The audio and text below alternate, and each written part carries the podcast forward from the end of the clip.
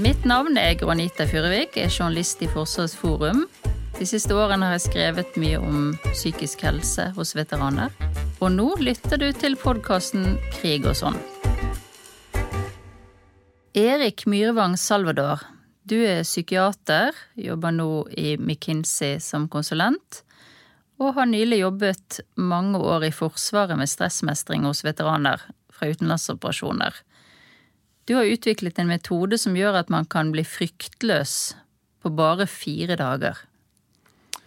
Ja, um, takk for den uh, introduksjonen. Fryktløs på fire dager, det jo, høres jo veldig catchy ut. Jeg, jeg, vil ikke nødvendigvis si at man blir fryktløs, men man uh, kan i løpet av uh, veldig kort tid bli um, mye bedre rustet til å tåle frykt.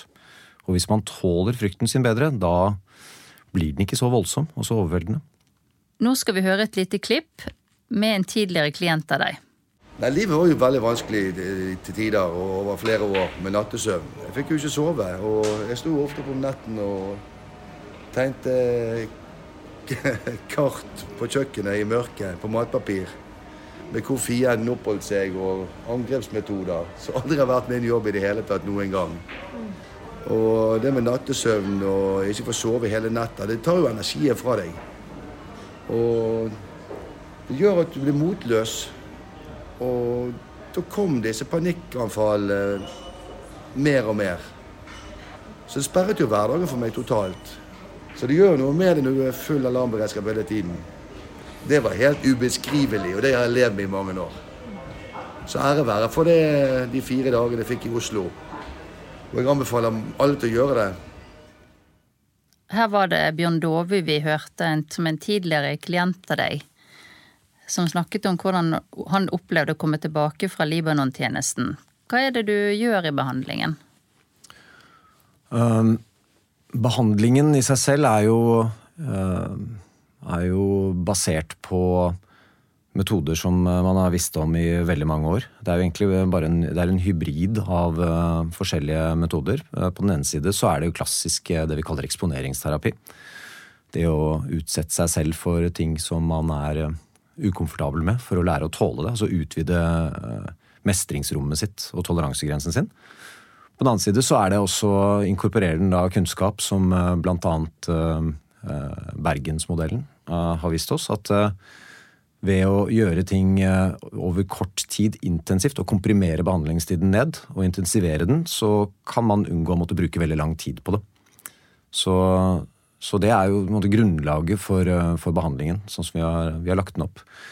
Hva vi konkret gjør i løpet av de fire dagene, det er, kan egentlig oppsummeres med at eh, vi hjelper deltakerne til å tåle fryktreaksjoner bedre.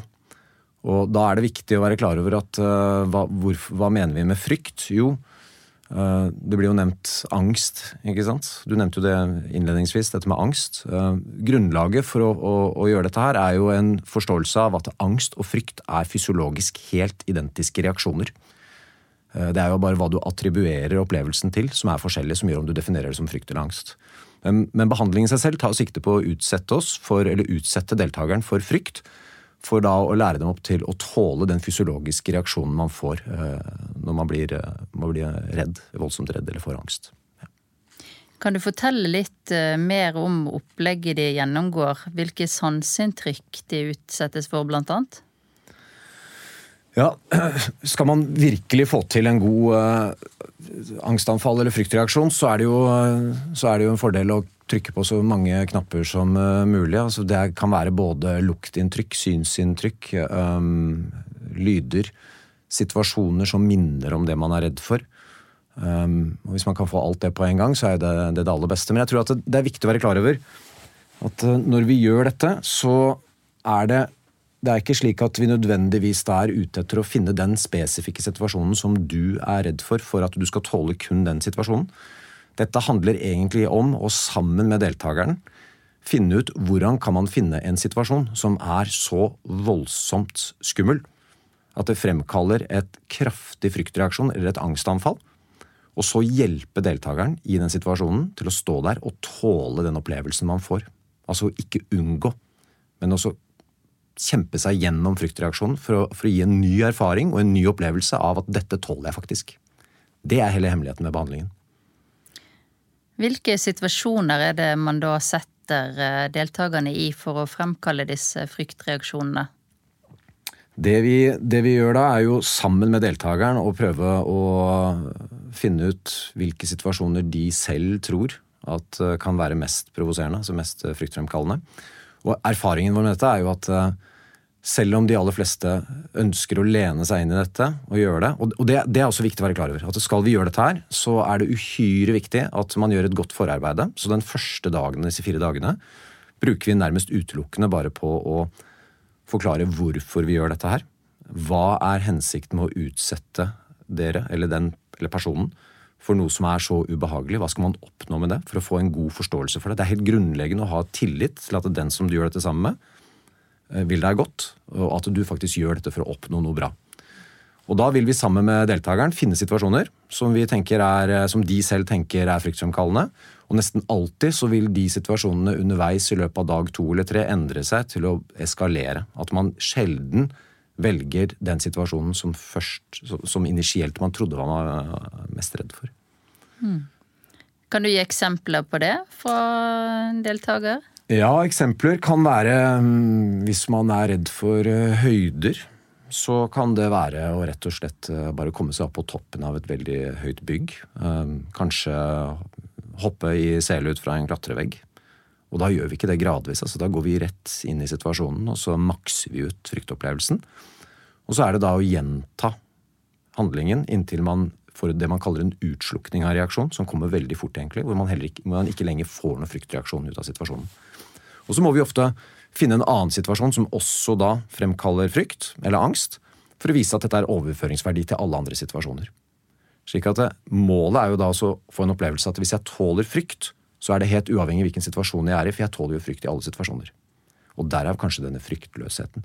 Man blir jo ikke fryktløs, og det vil man jo ikke være heller. Man vil ikke slutte å bruke sikkerhetsbelte eller begynne å røyke 40 om dagen. Men man har jo lyst til å kunne tåle ubehaget ved å være redd. Så andre situasjoner kan være små, trange rom.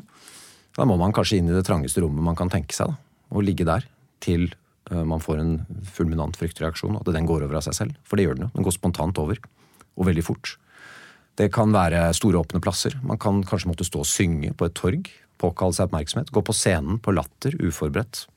Holde uforberedt foredrag for 150 mennesker og se hvor mange sekunder det tar før man slapper helt av. Eh, og det er jo egentlig bare fantasien som begrenser dette. Altså, inn i MR-maskiner, opp i fly. Men det er jo tidkrevende. Så det betyr at eh, terapeuten må også investere tid i dette. Men hvis man investerer tid, gjør det intenst nok, deltakeren forstår hvorfor de gjør det, lener seg helt inn i det og tåler og tør opplevelsen av å være voldsomt redd, så er jo gull i andre enden at det går veldig fort å lære seg å tåle frykt og angst. Og behandlingen den foregår både ute og inne i grupper? Absolutt. Det kan være Vi jo, har jo blant annet eh, i Forsvaret, når jeg var der, så uh, vi, bygget vi jo opp et VR-studio. Hvor vi benyttet oss av um, dataprogram. Altså med, vi koblet på masse sanseinntrykk.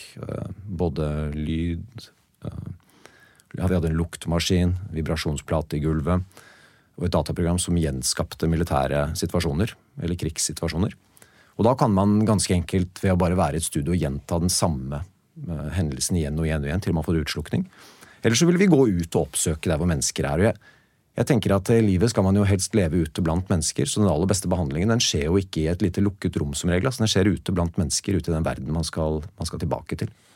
Hvilke plager har den typiske deltakeren som kommer til en eh, slik behandling?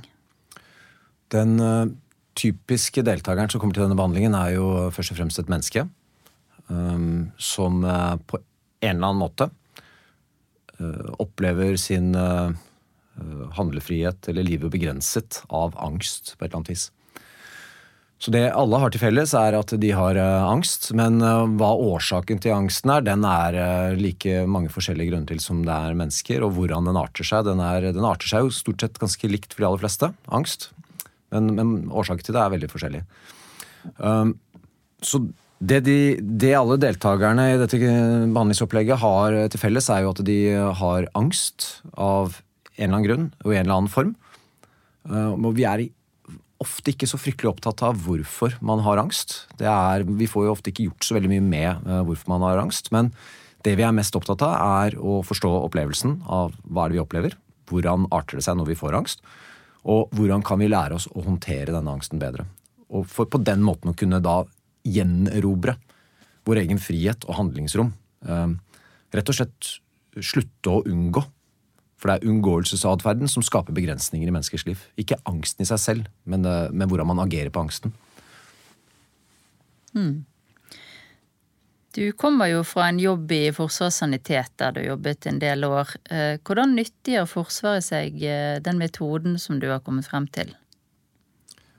I, i Forsvarets sanitet, der hvor jeg jobbet og var med og ledet Institutt for militærpsykiatri og stressmestring, så har vi, vi, har vi, hatt de siste årene et uh, tilbud til uh, stadig tjenestegjørende soldater, offiserer og veteraner. Og det, det, er et poeng også at vi har blandet disse gruppene med deltakere på dette behandlingsopplegget. For det er jo et gruppebehandlingsopplegg. Uh, så Forsvaret benytter seg av det til å kunne gi da et spisset, spesifikt tilbud til de som har angstplager. Jeg tror det er, litt, det er litt viktig også å differensiere, eller, eller kanskje aller mest ikke ikke differensiere så veldig i forhold til dette med angst. Eh, deltakerne har jo jeg nevnte jo i sted at de har angst. Eh, dette er Vi blander mennesker med konkrete årsaker til angst, generalisert angst, fobisk angst og PTSD. Og det er viktig å huske at posttraumatisk eh, stressyndrom det er, jo, det er jo først og fremst en angstlidelse, men hvor man da har, kan etablere en ganske klar kausalitet i hvorfor man har angst. Men opplevelsen og angsten er jo lik som ved andre angstlidelser. Og Derfor så fungerer også denne metoden så godt på PTSD, eller angstplagene ved PTSD. Så tilbudet det eksisterer til både tjenestegjørende og til veteraner. Mm. Og Når vi snakker om PTSD, så er jo ofte hos veteraner så er den ofte knyttet til opplevelser fra krig. Det jeg kan si noe om, er at veteraner har et sammensatt bilde av plager. Akkurat sånn som mm. Mm. mennesker alle andre har. Mm. Enkelte har PTSD-plager etter opplevelser og hendelser som de har vært utsatt for ute i tjeneste. Andre har eh, angstplager og depressive plager knyttet til opplevelser de har hatt, men også, kan også ha plager koblet til en slags akkumulert effekt av ting over tid gjennom livet levd etterpå. Eh, og andre igjen vil nok ofte attribuere det til at det hele startet med opplevelsene de hadde ute, og at det bygget seg på etter hvert. Og så er det jo dette aspektet med at det er jo ikke, er jo ikke bare angstplager og PTSD som man, får, um, som man, kan få etter uh, tjeneste i utlandet. Eh, en ting som har kommet mye tydeligere fram de siste årene, er også dette vi kaller for moral injury. Som går på det at man har uh, vært med på ting som plager en i ettertid. Som kan være vanskelig å forsone med det mennesket man er eller skal være. Eller trodde man var. Det er synsinntrykk. Det er uh, særlig ting som dreier seg om uh, dette med barn. Altså hvis det har vært barn eller sivile involvert i det. Det kan være kjempebelastende, og det kan føre til masse depressive grublerier uh, og plager etterpå. Og det er nok et mye større problem enn man har vært klar over. Så jeg tror at, jeg tror at, at vi skal være forsiktige med å bare tenke at PTSD er lik veteran. Ja, veteraner. Det er en representasjon av PTSD blant veteraner, men det er også veldig mye andre ting som veteraner kan slite med etterpå. Du har jobbet mye med veteraner, men kan man bruke denne behandlingen også utenfor Forsvaret? Absolutt. Fordi det veteraner har til felles med alle andre mennesker, er at de er mennesker. Og at uh, nervesystemene våre fungerer uh, helt likt, uavhengig av vi fått, uh, hvor vi har fått plagene våre. Så behandlingen fungerer like bra på sivile som eh, militære. Hvordan virker behandlingen på klienten? Hva er det som gjør at det faktisk fungerer? Jeg vil si at det, det er fort gjort å si at den, den, effektive komponenten av behandlingen er ja, du lærer deg å håndtere frykten din og på den måten uh, blir fryktløs og, eller mer fryktløs og utvider handlingsrommet ditt, som gjør at du kommer deg ut av en isolerende boble Eh, av unngåelse, som gjør at du treffer nye mennesker. Du får de inntrykkene du skal ha, de korrigerende inntrykkene fra andre mennesker. Du får sosialisere. Dette er jo interessant også, fordi når vi sliter med ting, når vi, får, når vi har psykologiske plager, så en av de første tingene vi gjør, er jo ofte å trekke oss under andre mennesker. Og vi vet jo at det omgang med andre mennesker, det å, være, å sosialisere med andre, er i seg selv eh, noe av det beste vi kan gjøre for oss selv. Så det å, det å utvide handlingsrommet sitt og komme seg tilbake i kontakt med andre, sosialisere, få inntrykk, bare få frisk luft altså, øh, og stimuli, det er en effektiv komponent av det. Men samtidig så tror jeg også at øh, det vi har sett gjennom dette behandlingsopplegget, er at det er vel så mye, tror jeg, denne sosialiseringsprosessen som skjer i en gruppe. Når man oppdager at de tingene jeg går rundt og sliter med, de er ikke helt unike. Øh, det er mange andre som har det sånn. Mennesker jeg ikke engang trodde hadde det sånn. Jeg kan ikke se på dem at de har det sånn, før de forteller om det. Og når de da som en del av opplegget også skal ut og fortelle de som er rundt seg og de, sine nære og kjære om hvordan de har det, så får de brått også veldig mange korrigerende inntrykk tilbake med at det, det er ikke sånn at folk øh, skyr unna, ikke vil ha noe med deg å gjøre. Folk aksepterer det. De tar deg imot. De deler av sine egne ting. Når man åpner seg selv, så deler andre av seg selv. Så man begynner allerede da å knytte bånd, sosiale bånd til andre. Man får korrigerende informasjon, og samtidig så, så lærer man noe om at, eh, at det fins muligheter for å få hjelp. En del av det å gå rundt og tenke at uh, ingen eh, jeg er spesielt skadet, eller ingen vet hvordan jeg har det. Med det også så betyr det at det, det fører en ensomhet med seg, og en avsondring. Så det er også en, del, av det, effekten ved dette er at man får vite om en metode som er relativt enkel og ganske universell, og så kan man begynne å gjøre det selv også. Jeg pleier å si at en behandlers rolle er å gjøre seg selv overflødig så fort som mulig. Kan du fortelle litt om eh, hvordan du kom frem til den eh, behandlingsmetoden? Det kan jeg. Eh, vi startet jo egentlig med å se på hvordan kan man lage et spisset, spesifikt tilbud til våre veteraner som hjelper dem med de tingene de sliter mest med. Og da begynte vi kjempebredt. Vi så på ok, dette er mennesker som kan ha problemer um, både med sin psykiske helse, søvn, uh, sosiale relasjoner, avsondring. Uh, dette fører til problemer med jobb, problemer med økonomi, problemer med fysisk form osv. Og, så og da, da, ble det litt at vi skulle da se på alt vi kunne, og gjøre noe med alt på en gang. Og etter hvert så forsto vi at litt, hvis vi skal prøve å hjelpe mennesker med alle disse tingene, så blir prosjektet så stort at det blir nesten helt uoverkommelig å skulle gjøre alt dette her. Og så begynte, ta, begynte jakten på hva, den, hva, kan være den ene tingen som gjør at alt på en måte løsner og begynner å rulle. Og da ble det sånn å reise rundt og snakke med folk, uh, se på hva som var der ute. Og så kom vi over Bergensmodellen for behandling av tvangslidelser. Uh, og så etter hvert så, så, kom vi over en metode som heter prolonged exposure. Som, uh, som, snakket noe om intensiteten av dette med eksponering. Ikke sant? Altså ikke gradvis eksponering over tid, men hjelpe folk til å eksponere seg fullt ut for å få makseffekt av det. Og så, og så, satte vi sammen da til slutt et opplegg hvor vi tenkte at ok, nå skal vi prøve å gjøre dette her på kortest mulig tid, med høyest mulig intensitet. Og så har vi ett klart mål for behandlingen, og så ser vi om det i seg selv hjelper til å liksom løsne steinen på et vis, så den begynner å rulle. Og det har vi hatt veldig positiv erfaring med. at vi, vi, vi tenker nok at vi traff ganske riktig der på det. Er dette noe som folk kan eh, prøve selv hjemme og eksponere seg for ulike situasjoner de er redd for? Uh, suksessen dette her hviler jo på at man gjør det selv. Altså Man lærer hvordan man skal gjøre det riktig, og så gjør man det selv. Man skal være sin egen behandler uh, livet ut på dette. Så, men, men det, det, fordrer at man uh, nummer én har en idé om at dette kan fungere for meg også. Og sannheten er at det, dette kan fungere for alle. Og nummer to at man, man gjør den eksponeringen på riktig måte. Og Det er der ofte mange går litt, uh, trår litt feil. Fordi man tenker kanskje at nå skal jeg bare utsette meg for noe, og så skal jeg stå og tåle det en stund. Og så blir det egentlig bare bedre når jeg trekker meg ut av situasjonen. Så jeg kan dra på en fest, ha det helt forferdelig, og så blir det veldig godt å komme hjem igjen etterpå. Og det er ikke, det er ikke eksponering, det er ikke riktig eksponering. Det bare forsterker inntrykket at det er kjipt å være på fest. Uh, at det er best å være hjemme. Så for å gjøre en god eksponering riktig, så skal man lene seg inn i situasjonen. Finne en situasjon som er så ubehagelig at man tenker at dette tåler jeg egentlig ikke. Og så skal man ikke forlate situasjonen før man rett og slett får det bedre i situasjonen. Mens man står i den. Så det betyr at hvis du, et, du syns det er vanskelig å gå på kjøpesenter blant andre mennesker, så skal du ikke bare gå på kjøpesenteret, gå rundt på kjøpesenteret til eh, du får lov å dra hjem, og så dra ut og så sette deg i bilen og puste ut og tenke at nå har jeg gjort noe bra.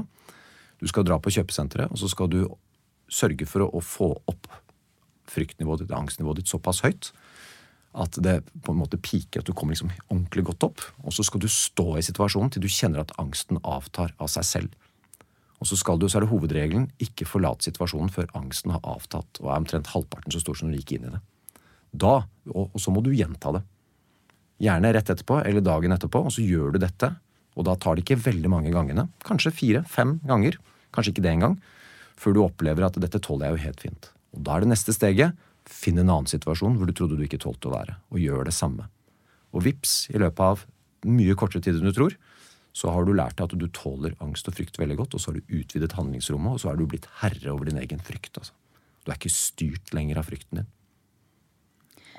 Det høres jo ganske fantastisk ut å klare å lære å håndtere sterk frykt på bare fire dager. Hvordan kan du vite at metoden virker? Ehm, den virker i den grad at uh, vi ser det. Vi ser det i behandlingen at uh, de aller fleste har en opplevelse at dette fungerer.